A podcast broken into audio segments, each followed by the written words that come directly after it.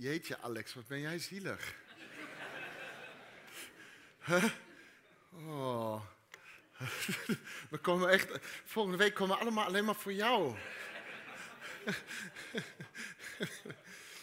um, maar volgende week is het al zover. Nog uh, blijkbaar vijf nachtjes slapen. En uh, dan, dan is het al kerst. En uh, ik wil jullie van harte uitnodigen, inderdaad. Kom gewoon volgende week voor onze Het Hart van Kerst outdoor kerstbeleving. Met ook een indoor kerstbeleving naast de outdoor kerstbeleving. Want we hebben ook geen kerstavonddienst, maar een kerstavondochtenddienst. Snap je? Ja, dus ik zie jullie allemaal dan. Um, maar voor, uh, uh, voor de outdoor kerstbeleving um, uh, zijn wij nog op zoek naar al die dingen die jullie niet nodig hebben uit een kerstpakket. dus um, je hebt het misschien al in de ontmoetingsruimte gelezen. We hebben een, een kerstbingo tijdens de outdoor kerstbeleving. Um, en misschien heb je een kerstpakket gekregen van je werkgever, dankjewel. Uh, lieve werkgever, maar daar zitten dan dingen in waar je denkt van, ik, ik heb al nog die vier pannen van de afgelopen vier kerst. Dan mag je die dus meenemen voor, voor die bingo. En het idee is dat je die dus inlevert uh, op zondagochtend, dus komende week zondagochtend, uh, bij, hier gewoon bij het kerkelijk bureau, zodat we dat mee kunnen nemen in de kerstbingo. En de, dus zeg maar een heel mooi iets kunnen maken van jouw meuk. Ja? Alsjeblieft. Dus neem mee wat je niet nodig hebt uit jouw kerstpakket of waar je denkt van dat gun ik echt iemand anders. um, dan uh, dan uh, zorgen wij ervoor dat we het aan iemand geven. Wat ik ook bij jullie wil aankondigen is de collecte voor vandaag. En terwijl er straks snacks en zo worden verkocht en zo is de collecte vandaag niet voor de zending, maar voor de kerk. Want wij dachten, wij doen volgende week, al onze kerstdiensten zijn dus zendingsgeoriënteerde collectors en niet voor ons. Dus deze vandaag nu wel. En jullie hebben vast al het een en ander mailtje gezien over uh, onze begroting. En iedereen vindt daar wat van en dat is mooi. Um, uh, maar geef er ook wat om. En uh, uh, wij zijn nog op dit moment op een punt waar we nog zo'n 120.000 euro nodig hebben om de begroting te halen. En dan kunnen we met elkaar rekenen. En dan hebben we het over 250 girale gevers die gemiddeld aan deze kerk geven. En dan denk je dat is weinig. Nee, dat is best veel, want je hebt natuurlijk huishoudens. Die, uh, en, en, en, dus je hebt eigenlijk meer geef-unit uh, eenheden. En dan is het nog ongeveer 480 euro per gevende eenheid. En zo kunnen we allemaal rekenen. Um, en ik had ook vandaag erover nagedacht, zal ik in het kader van deze serie preken over vrijgevigheid. Want dat heeft die zunige Nederlander denk ik even nodig. Uh, maar dat, dat, dacht ik, dat heb ik dan maar niet gedaan, uh, omdat ik het dan toch ook te manipulatief vind. Wij hebben weer nood en dan preek je even over geld. En dan geef je even weer twee weken goed en dan is het weer voorbij. En dat, dat, dan, dan, dan heb je weer zo'n noodkreetpreek, een noodpreek. En, en dat, dat leek me niet goed en verstandig omdat het voortkomt uit een directe behoefte en niet uit een visie. En ik kan allerlei dingen kunnen ons vertellen. En een van de dingen die ik jullie kan vertellen is bijvoorbeeld um, wat ik zou willen. Um, elke fondsenwerver gaat je hetzelfde vertellen die daar een beetje verstand van heeft. Is de vraag, jij wil geen donateurs, wat jij wil zijn supporters. Uh, en het verschil is dat donateurs, dat is een groep mensen die een doel financieel ondersteunen. Maar het is niet per se hun doel. Het is uh, dat doel van die daar en daar geef ik aan en als ik het leuk vind. En, en, en als niet, dan, dan ondersteun ik dat doel dan niet. Zo geven wij aan goede doelen. Dat is een mooi iets, daar geef ik aan. Maar het is niet per se mijn doel, want jij doet niks ermee. Maar jij geeft daar aan en zij doen er iets mee. Dat is een donateur. Een supporter is een groep mensen met hetzelfde doel. Dezelfde visie. Dat zou je elke fondsenwerver uh, vertellen. Dus geen noodpreek, maar ik hoop dat we hetzelfde doel hebben. En daar gaat het straks wel een beetje over. um, En ik denk dat hier is ons doel. En, en dat heeft alles te maken met, met onze serie ook over het Koninkrijk van God. Als wij geven, wat wij doen, is dat wij investeren in dat levens worden veranderd door de liefde van Jezus. Dat is ons gezamenlijk doel, toch? Toch? Iedereen kijkt me een beetje, oh, was dat het? Oh. oh, nou. Daarin investeren wij, dat levens worden veranderd door de liefde van Jezus. Als we geven, deel van wat we zullen zien is dat mensen uit de duisternis worden gered naar het wonderbaarlijke licht van Jezus. Als we geven, zien we hoe er in jongeren wordt geloofd en hoe ze worden bemoedigd, hoe er voor ze wordt op, opgekomen, hoe, wordt, hoe ze worden discipeld uh, op hun weg met Jezus. Dus ons, ons geven investeert ook hè, in een nieuwe generatie die in zo uitdagende en chaotische tijden leven, die wij deels voor hen hebben gecreëerd. Uh, dus als wij geven, openen we als gemeente onze, onze harten, ons gebouw, onze huizen voor onze naasten, ons bewogen om te bewogen te bewegen met degenen die gemarginaliseerd zijn, die vergeten zijn, de onaanzienlijksten van hen. Degenen die alleen zijn en eenzaam, dat doen we volgende week ook heel erg. Degenen die honger hebben, denk aan de voedselbank, wat jullie daar altijd gul geven. Wij, we geven hen te eten, we, we houden van hen, we komen op voor hen en we verwelkomen hen als familie. Dat is wat ons geven doet. Als wij geven, en, het is niet, dat geloof ik van harte, als wij geven, dan bij bevolken vertolken wij het koninkrijk van God.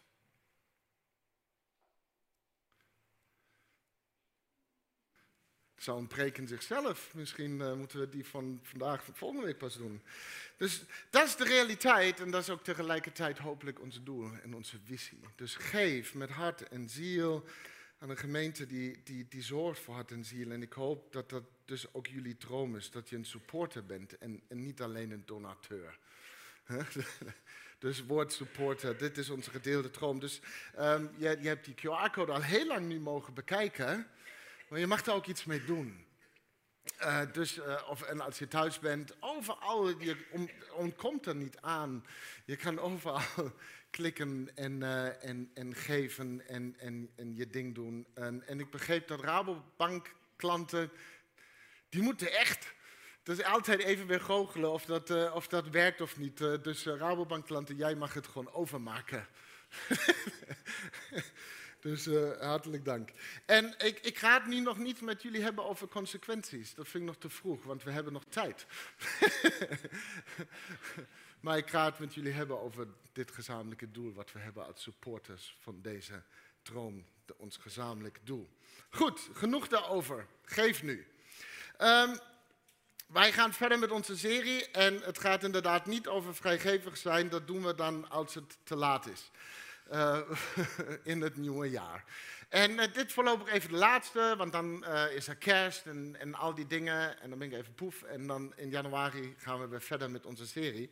Maar vandaag vervolgen we dus um, onze serie Koninkrijk ontmaskerd. En um, waarin we de verborgenheid van het goede nieuws over het koninkrijk van God onthullen. En we willen het gebroken koninkrijk waar velen in, leven ontmaskeren. En deze serie gaat dus niet alleen over ons doen, maar over ons hele zijn. Ons zijn omvat namelijk denken, doen en voelen. En het weglaten van een van deze elementen resulteert juist in een incompleet en gebroken koninkrijk. Dus door te geloven dat het koninkrijk ons volledige wezen doordringt, zal de volmaaktheid van het koninkrijk van God zich manifesteren als goed nieuws. Dus in ons denken, vernieuwd bewegen, in ons kennen van Jezus, in ons doen, in ons bewogen bewegen als Jezus in deze wereld. En in ons voelen, in ons ervaren van zijn aanwezigheid in alles. Dus kort gezegd, het koninkrijk van God is een bestaan, dus denken, doen en voelen en zijn. Hè, dat rijk is aan de koning. Dat is onze definitie. En we hebben de afgelopen keren al gesproken over vredestichters, bidders en aanbidders zijn. En misschien is het je al opgevallen, maar uh, aan elke van deze zijns uh, hebben we een werkwoord verbonden. Vredestichter zijn ging over vergeven, bidders zijn gaat over vertrouwen, aanbidders zijn gaat over danken. Dus het koninkrijk van God, dat goed nieuws is, wordt dus in al zijn volheid onthuld als we vergeven, vertrouwen, danken en wat we vandaag nog zullen ontdekken en in, in het komende jaar. En ik ga er gelijk induiken, dus laten we samen lezen in 2 Petrus 1, de versen 1 tot en met 11. Van Simeon Petrus, dienaar en apostel van Jezus Christus. Aan allen die dankzij de rechtvaardigheid van onze God en redder Jezus Christus geloof hebben ontvangen als wij. Genade zij u en vrede in overvloed door de kennis van God en van Jezus onze Heer. En zijn goddelijke macht heeft ons alles geschonken wat nodig is voor een vroom leven. Door de kennis van Hem die ons geroepen heeft door zijn majesteit en wonderbaarlijke kracht. Hiermee zijn ons kostbare, rijke beloften gedaan, opdat u zou ontkomen aan het verderf dat de wereld beheerst als gevolg van de begeerte, en opdat u deel zou krijgen aan de goddelijke natuur.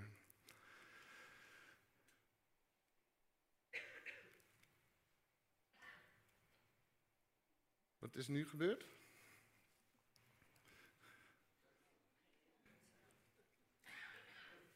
Heb je kapot gemaakt? Was ik dat? Nee? Nou ja, jullie fixen het wel. Ik uh, lees vrolijk verder. nu moet je heel. Hebben we hem weer?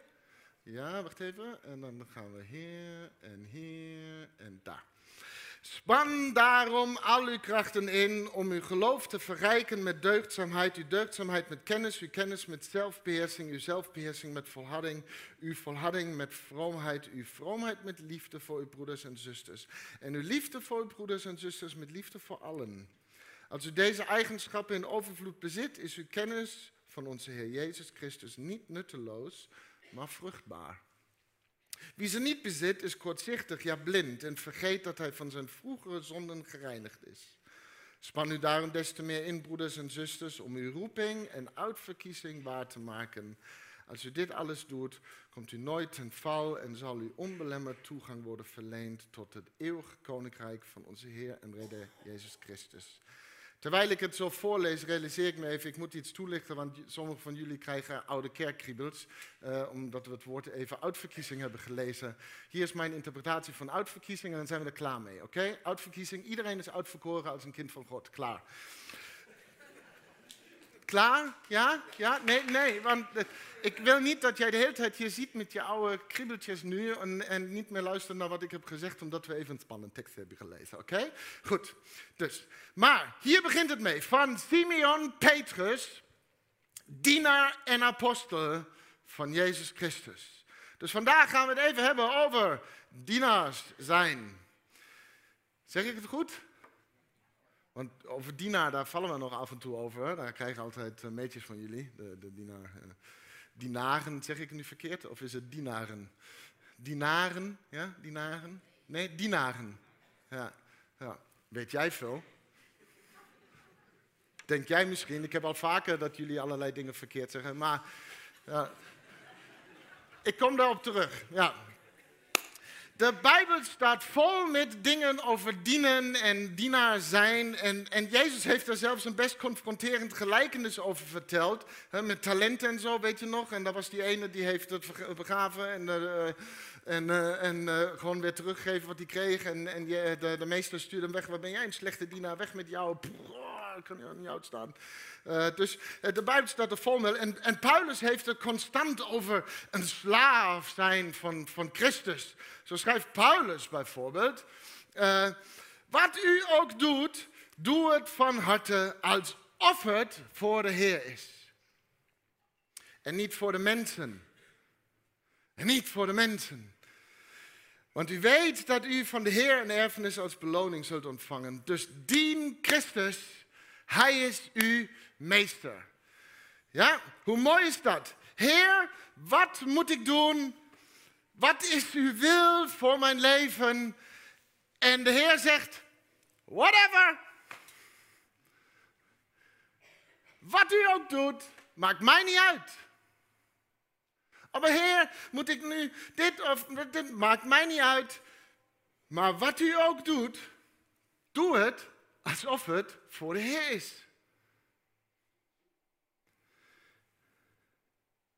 Ik ga werken op een manier dus die God de eer geeft. Ik ga dienen op een manier die, God, de manier die God de eer geeft. Ik ga een ouder zijn op een manier die God de eer geeft. Ik ga keuzes maken op een manier die God de eer geeft. Gods wil voor je leven is whatever. Maar doe het voor Hem. En dat is dan ook gelijk de definitie van dienaar zijn. Dan hebben we dat gehad. We zijn allemaal geroepen om te dienen en dienaars te zijn door alles te doen alsof het voor Jezus is. Wij dienen altijd enkel en alleen koning Jezus en zijn koninkrijk. En daar begint voor sommigen al een loyaliteitsconflict. Want Jezus zei ook dingen zoals uh, kom en neem deel aan het koninkrijk dat al sinds de grondvesting van de wereld voor jullie bestemd is. Want ik had honger en jullie gaven mij te eten. Ik had dorst en jullie gaven mij te drinken. Ik was een vreemdeling en jullie namen mij op. Klinkt niet heel erg als het koninkrijk dat velen van ons op dit moment dienen. Ik was naakt en jullie kleden mij. Ik was ziek en jullie bezochten mij. Ik zat gevangen en jullie kwamen naar me toe. En de discipelen zeggen, maar Heer, wanneer hebben we u al deze dingen zien doen? Uh, wanneer hebben we dat allemaal gedaan? En Jezus zei, ik verzeker jullie, alles wat jullie gedaan hebben voor één van de geringsten van mijn broeders of zusters, voor de onaanzienlijksten van hen, hen, dat hebben jullie voor wie? Voor mij gedaan. Dus altijd voor hem.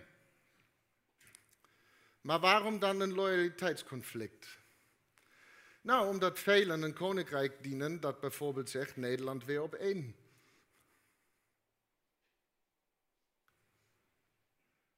Mijn behoeften weer op één.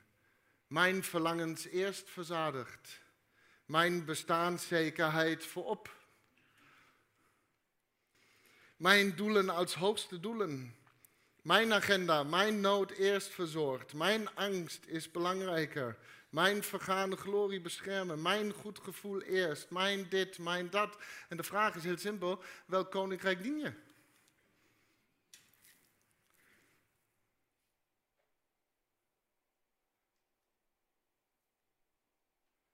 En als het goed is, zijn jullie denk ik allemaal met me eens, geloven we allemaal dat we Jezus en zijn koninkrijk dienen.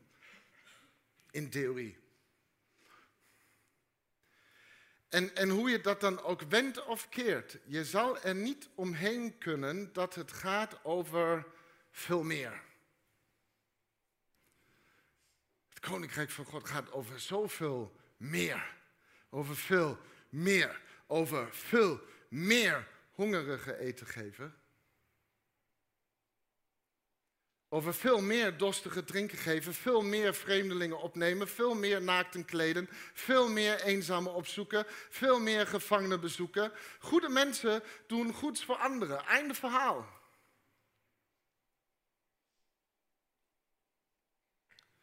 Er is geen theologie op aarde die je zal helpen om een verdeelde en verstoorde loyaliteit te onderbouwen die is er gewoon niet. Veel meer. En ik geloof echt dat we dit kunnen. Peter schrijft, hè, hebben we net gelezen, zijn goddelijke macht heeft ons alles geschonken wat nodig is voor een vroom leven. Klinkt zo vroom, hè? klinkt heel ingewikkeld, maar een synoniem van vroom is gewoon Godgezind, heilig, Goddienstig. Allemaal zware woorden wat er staat, vroom leven, dus een leven als dienaar van God. Vroom leven.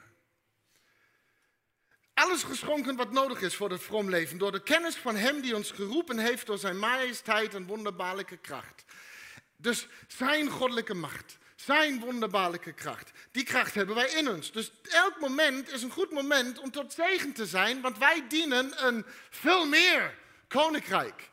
Daarom doen we gekke dingen zoals dat we onze collecten weggeven terwijl wij zelf met onze begroting handelen. Maar wij, wij, wij dienen niet onze begroting. Wij willen als gemeente een gemeente zijn die een dienend hart heeft. Elk moment is een goed moment om tot zegen te zijn. Als het altijd afhangt of we echt onze begroting halen of niet, zouden we nooit, ook maar nooit, beginnen met een zegen te zijn voor anderen. Die zegen die dan geld kost, zeg maar. Ja. Maar wij dienen een veel meer koninkrijk. Dus denk aan de woorden van Paulus.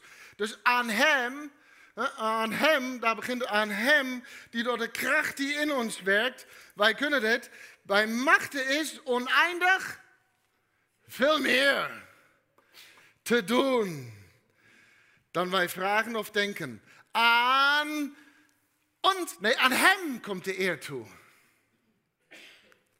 We dienen wie?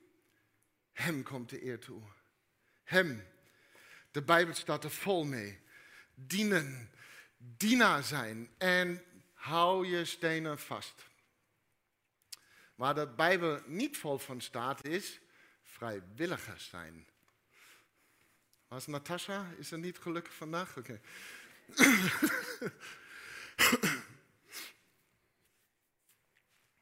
Hoor mij. Er is niets mis met vrijwilligerswerk. Er is niks mis met vrijwilligers. Geweldig. Wij vragen je ook regelmatig voor vrijwilligers, voor alles en nog wat. En nog steeds. Kinderwerk, nu is je kans.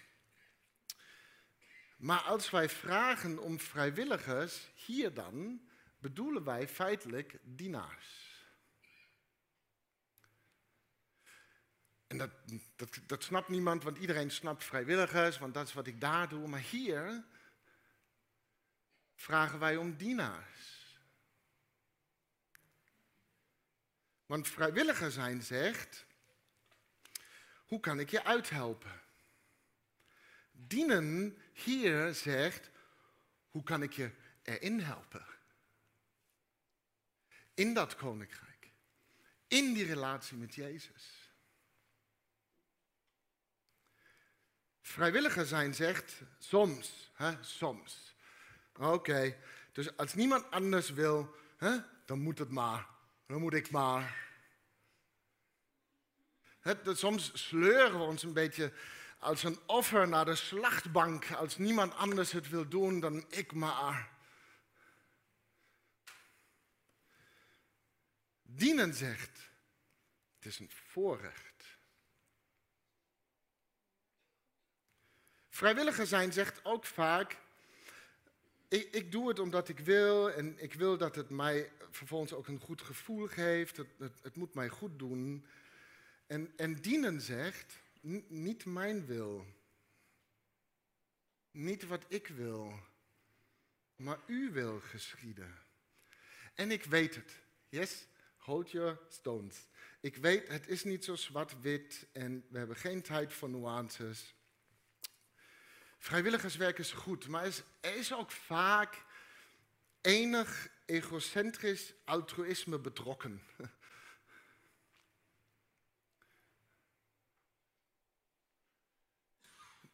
Topredenen hè, om te stoppen met vrijwilligerswerk. That's not me, dat heb ik gewoon gegoogeld. Um, onderzoek naar gedaan. De topreden om te stoppen met vrijwilligerswerk is bijvoorbeeld verandering in interesses. Ik las dat en ik dacht, wacht even, een synoniem voor veranderde interesses is eigenlijk, ik vind dit niet meer leuk. Een andere reden is conflict of ontevredenheid. Zeg even na te denken, even kijken, ah ja, een synoniem daarvoor is, ah, ik vind dit niet meer leuk. Een andere reden is uh, teleurstelling of, of, gebrek aan erkenning. En ik zat even na te denken, dacht van, uh, wacht even, een synoniem daarvoor is, ik vind het niet meer leuk. Of wacht even, oh nee, zij vinden mij niet meer zo leuk.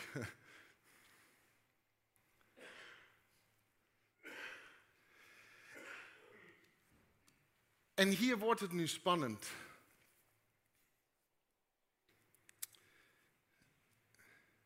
Petrus schrijft, zijn goddelijke macht heeft ons alles geschonken wat nodig is voor een vrome, een godsdienstig leven door de kennis van Hem die ons geroepen heeft door Zijn majesteit en wonderbaarlijke kracht. Hiermee zijn ons kostbare rijke beloften gedaan, opdat u zou ontkomen aan het verderf dat de wereld beheerst als gevolg van de begeerte, en opdat u deel zou krijgen aan de goddelijke natuur. Er is een vorm van dienaar zijn die voortkomt uit een verdeelde loyaliteit. En, en, en Paul, Petrus noemt het een dienen van begeerte. Klinkt mega zwaar, maar wat ik hier lees is, het, noem het maar een, een eigen belang. Het dienen van een eigen agenda, eigen doelen, wat ik wil bereiken.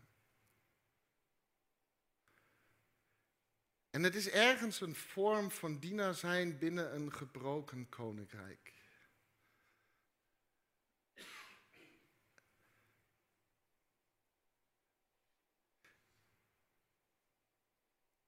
En in gesprekken met, met collega's over dit onderwerp komt er vaak één verdrietig iets regelmatig naar boven. En ik zag en ik zie het ook soms bij, bij, bij ons.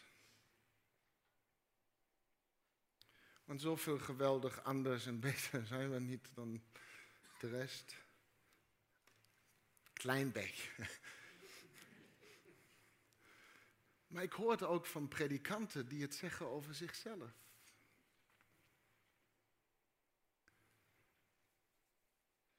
Het lijkt op de een of andere manier enorm ingewikkeld. En ik, ik vind, daar is Nederland gewoon niet toereikend, dus vergeef me het Engels. To finish well. Om goed af te sluiten, het goed af te ronden. Goed te eindigen is, het klinkt verkeerd. Uh, maar je snapt wat ik bedoel. To finish well.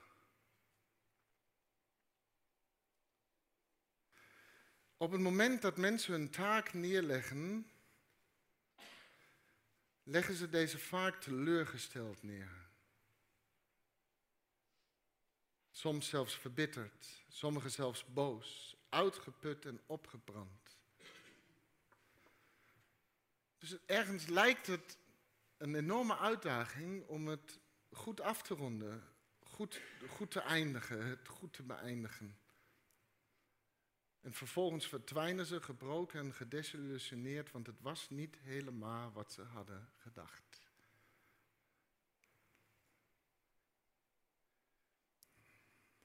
En de vraag is, wat is er onderweg gebeurd dat je nu zo stopt?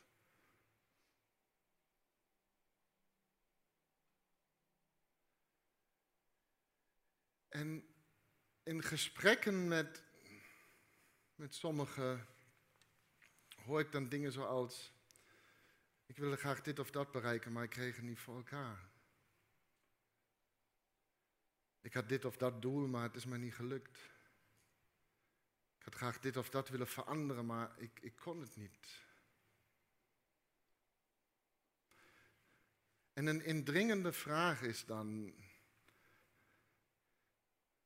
zou het kunnen zijn dat het nooit ging om jouw ambities, jouw plannen, jouw doelen, jouw verlangens, jouw verhaal, wat jij wilde bereiken? En ik snap dat dat een moeilijke vraag is als je middenin zit, die teleurstelling en die boosheid en die bitterheid. Dus deze preek is waarschijnlijk ook niet voor jou. Maar iedereen die nog afstevend op dit moment van finishing well. In een gebroken koninkrijk is loyaliteit soms verdeeld tussen eigen individuele belangen en die van het koninkrijk van God. En we hebben dat allemaal. En door deze verstoorde loyaliteit, waar we ons vaak niet heel erg bewust van zijn, stapelt de frustratie zich op die ons steeds dieper drukt in een mijn wil geschieden, maar het meestal eindigt in diepe teleurstelling in God en kerk, want mijn wil geschieden gewoon niet zo vaak.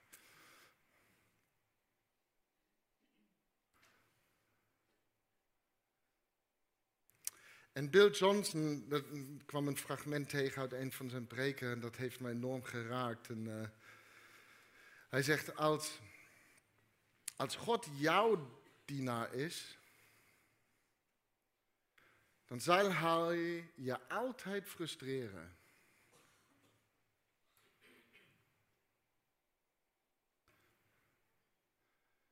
Maar als je zijn dienaar bent, zal je voortdurend versteld staan.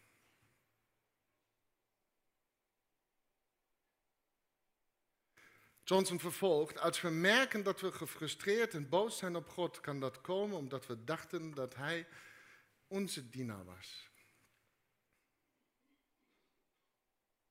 Toch, we kennen dat allemaal, hè? Hij heeft nu niet gedaan wat we wilden, heel simpel. En nu boos op God, want we hadden andere verwachtingen. Want hij hè, niet uh, luister, spreek Heer, uw dienaar luistert, maar luister Heer, uw dienaar spreekt.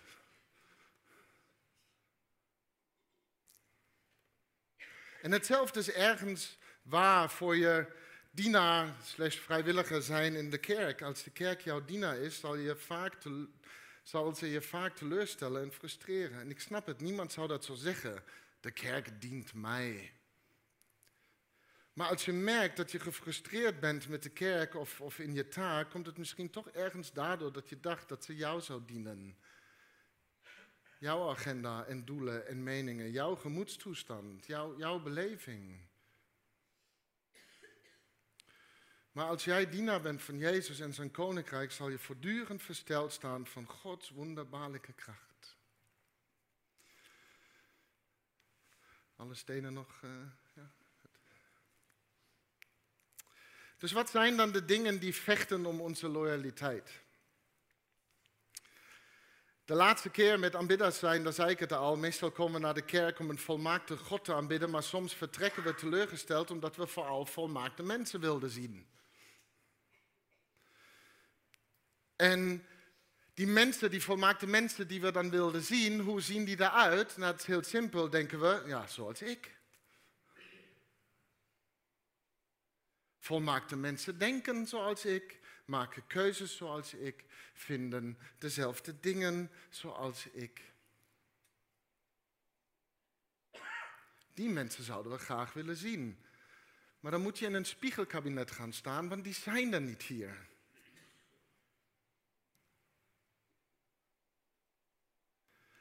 Dus wij als de maatstaf is wat ons vaak in een loyaliteitsconflict brengt. Een ander iets is focussen op, op iedereen tevreden houden. En ik ken het, ik heb het jullie verteld afgelopen jaar. Mijn passie lekte ook weg omdat mijn loyaliteit steeds meer verschoof naar mensen tevreden houden in plaats van het, van het dienen van de onaanzienlijkste voor hen. En met name tijdens corona is het mij overkomen om iedereen die zo'n beetje meewerkt happy te houden. Terwijl ik de hele tijd dacht van, oh, daar buiten zitten mensen die hebben ons nodig. En vele haken gefrustreerd, teleurgesteld en boos af. En ik kan jullie wat vertellen. Afgelopen jaar stond ik op het punt.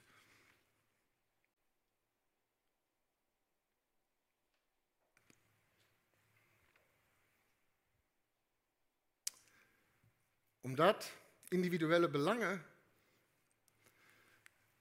steeds belangrijker werden om deze te vertegenwoordigen. Individuele belangen van ontevreden mensen. Ook zo'n loyaliteitsconflict. En dan nog één. En een van de dingen die meestal aan het knokken is met onze loyaliteit. Een van deze dingen uh, die knokt om onze loyaliteit voor Jezus en zijn koninkrijk is onze pijn. Of, of oude pijn.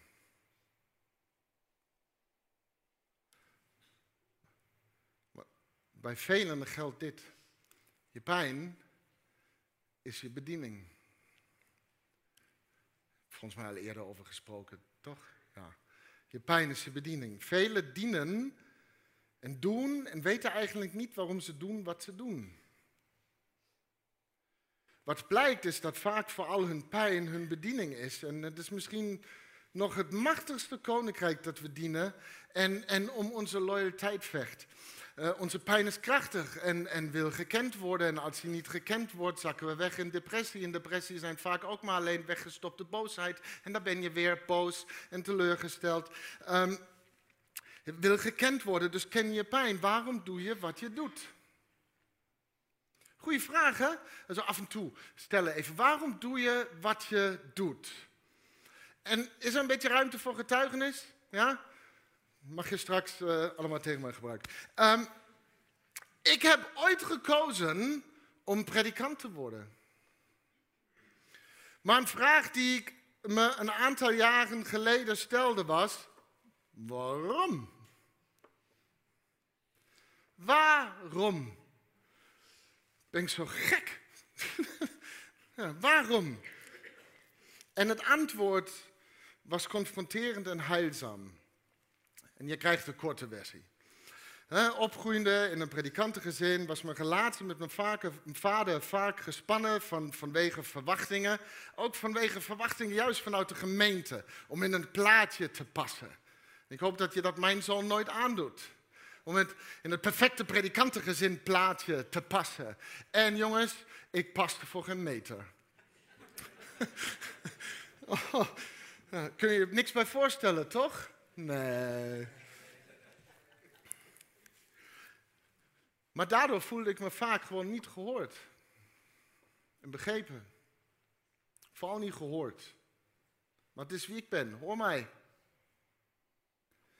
En na mijn bekering, dat kwam ook pas laat, dat speelt natuurlijk enorm mee in het feit dat je niet past, want hij is ook niet bekeerd. Huh? Uh, op mijn twintigste pas uh, heb ik me bekeerd en ging mijn relatie met mijn vader enorm vooruit. Want nu spoorde ik weer. uh,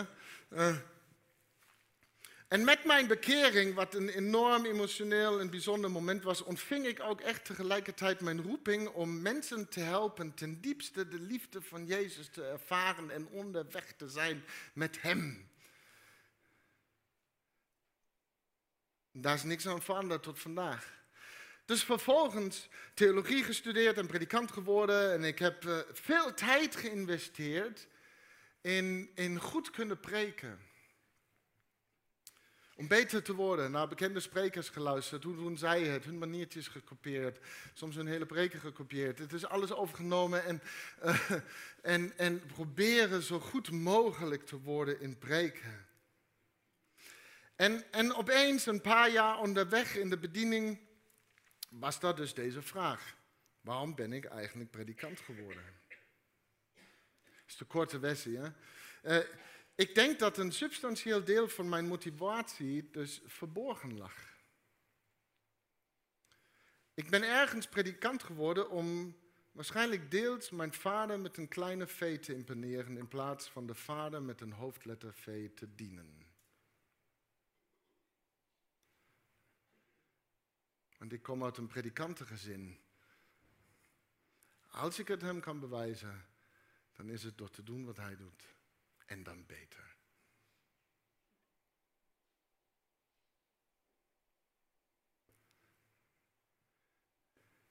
En dit inzicht heeft mij in overgave bij God de Vader gebracht. En hier werd het heilzaam, want God zei tegen mij, goed zo kerel, eindelijk. Eindelijk. Daarom heb ik je dit pad opgestuurd. Dat je dit zou ontdekken. Dat je dit zou ontmaskeren.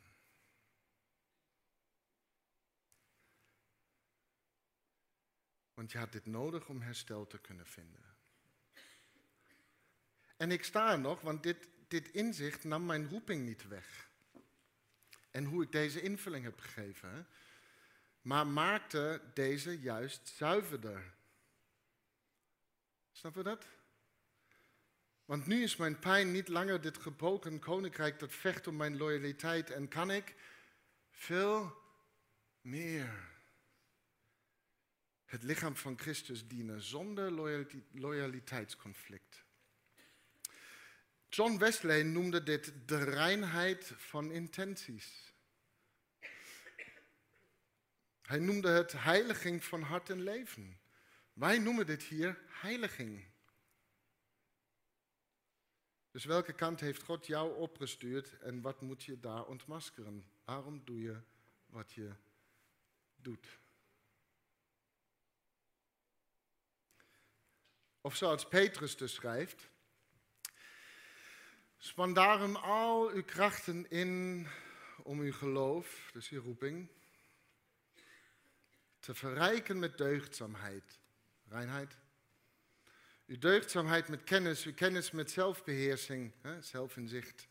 Uw zelfbeheersing met volharding, kracht om je pijn onder ogen te zien. Uw volharding met vroomheid, dus godsdienstig, Jezus dienen.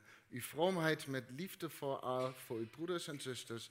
En uw liefde voor uw broeders en zusters met liefde voor allen. Niet jouw doel. Gebroken of niet. Maar zijn koninkrijk. Als u deze eigenschappen in overvloed bezit, is uw kennis van onze Heer Jezus Christus niet nutteloos, niet frustrerend, niet verbitterend, maar vruchtbaar. Wie ze niet bezit is kortzichtig, ja blind en vergeet dat hij van zijn oude pijn gereinigd is.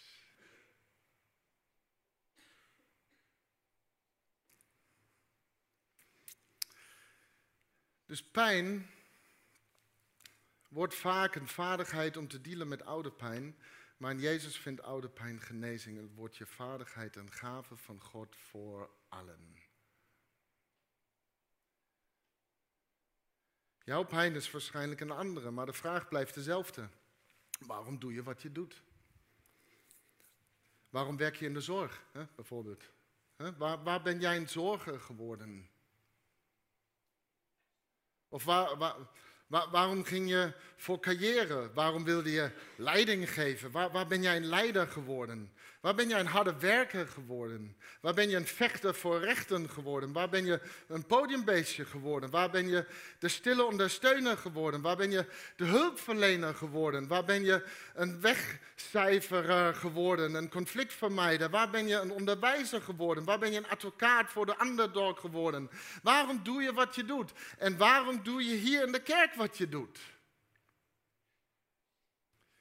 Er is een dunne lijn tussen passie en pijn en soms verwarren we die twee. En je pijn kennen neemt je roeping niet weg, mensen, maar maakt deze zuiverder, zuiverder uit liefde voor allen. Zijn koninkrijk. Dus geen idee welk gebroken koninkrijk in jouw leven de strijd voert om jouw loyaliteit. En, en, en terwijl deze dingen verwachten dat wij zo onaangevochten dienen, is het goed om zich te realiseren, wij kennen dus ons doel al. Wij, wij, wij, kennen onze missie al. Elke gemeente organiseert uh, uh, bijeenkomsten om na te denken over wat zouden we moeten doen als gemeente. Wat, wat is betekent gemeente eigenlijk allemaal? Het is eigenlijk erg dat je het niet weet, want we weten dit allemaal al. Dus die vraag is niet interessant. wie zijn wij als gemeente? De vraag is veel interessant, wat gaan we daarmee doen? Eh, wie wij zijn als gemeente. Wat betekent de gemeente? Weten we allemaal.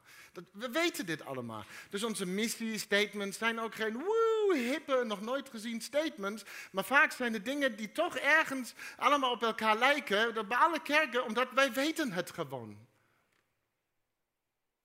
Wij kennen ons doel al. Onze missie. Wij weten al waar wij voor gaan. Uh, Paulus, uh, Petrus schrijft dat ons in verband met dit vrome, godsdienstige leven rijke beloften zijn gedaan. En, en Paulus heeft het hier ook over en schrijft bijvoorbeeld in 2 Corinthians 1 vers 20 dit. Immers, zoveel beloften van God als er zijn, die zijn in hem ja en in hem amen. Tot verheerlijking van mijn pijn. Nee, God, door ons. Wij zeggen ja en amen tegen zijn beloftes, want wij dienen Gods beloftes. Wij dienen Gods beloftes. Veel zeggen, ik dien God, maar ik heb geen idee wat hij wil. Nou, dat. Wij dienen Gods beloftes. Dit is wat dienaar zijn in het koninkrijk van God, dat goed nieuws is, betekent en het onthult. God belooft dingen en ik dien deze beloftes alsof het mijn doelen zijn. Gods beloftes geven zijn richting aan die wij opgaan. Als God herstel belooft, dien ik herstel. Als God eeuwige liefde belooft, dien ik eeuwige liefde. Als God bevrijding belooft, dien ik bevrijding. En zo word ik dus onderdeel van de vervulling van deze beloftes. Kunnen we dat volgen? Ja? En het is allemaal tot verheerlijking van God door ons. En we zullen versteld staan, omdat dan ontzagwekkende dingen zullen gebeuren. Getuigenissen van zijn majesteit en wonderbaarlijke kracht, zoals Petrus schrijft. Belofte na belofte, die wordt vervuld in de levens van mensen, omdat wij erin zijn gaan stappen als dienaars van deze belofte. Veel meer. En God belooft een heleboel dingen. Misschien ben je even kwijt. Dus een paar even. God belooft om mensen vrede te geven. Oh, wat een goede vredestichters. God belooft om mensen kracht te geven. God belooft om voor onze behoeftes te zorgen. God belooft om altijd te luisteren. God belooft dat alles bijdraagt aan het goede. God belooft om met ons te zijn. God belooft om te beschermen. God belooft om ons vrijheid en herstel van gebrokenheid. God belooft dat ons niks en niemand kan scheiden van zijn liefde. God belooft ons leven. Dus dit is wat wij dienen. Dit is wie wij dienen. En je zal versteld staan. Hiervoor zijn we geroepen, hiervoor zijn we voorbestemd, gemaakt. Dus Petrus schrijft, span u daarom des te meer in, veel meer, broeders en zusters. En om uw roeping en uitverkiezing waar te maken, als u dit alles doet, komt u nooit ten val gefrustreerd, boos en teleurgesteld. En zal u onbelemmerd toegang, dus niet meer belemmerd door verstoorde loyaliteiten, worden verleend tot het eeuwige koninkrijk van God, van onze Heer, dat goed nieuws en is en redder Jezus Christus. Finished well.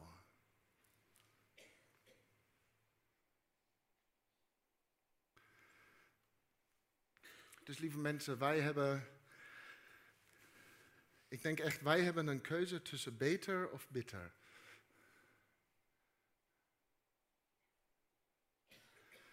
En die keuze wordt gevoed door of jij bereid bent ergens om het over te geven.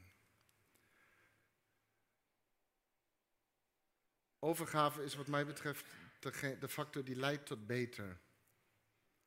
Als, als dienaar kan ik loslaten, want het is uiteindelijk zijn belofte waar, waaraan ik naar vermogen mee mag werken. Niet kunnen loslaten is denken dat het jouw belofte is. Ik moet dit waarmaken. Ik moet dit bereiken. Ik heb het maar aan mezelf beloofd. Maar de belofte was nooit van jou.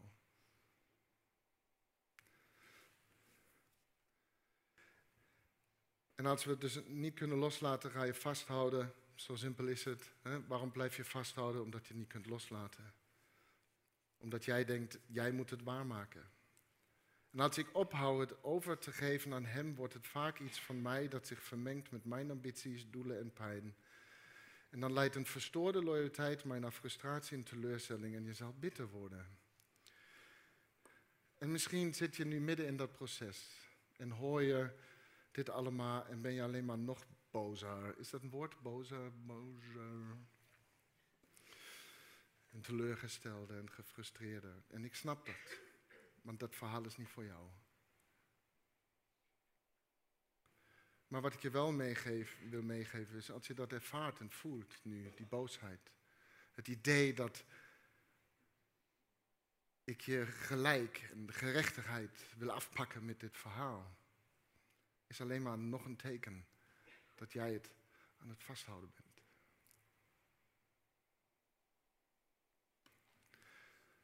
Maar overgave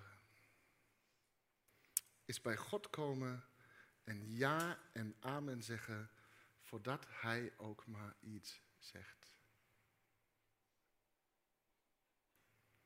En in mijn ja en amen op zijn beloftes en mijn overgave aan Hem kan ik rekenen op goddelijke macht wonderbaarlijke kracht en onverdeeld leven in en vanuit het koninkrijk van God dat goed nieuws is. En je zal versteld staan.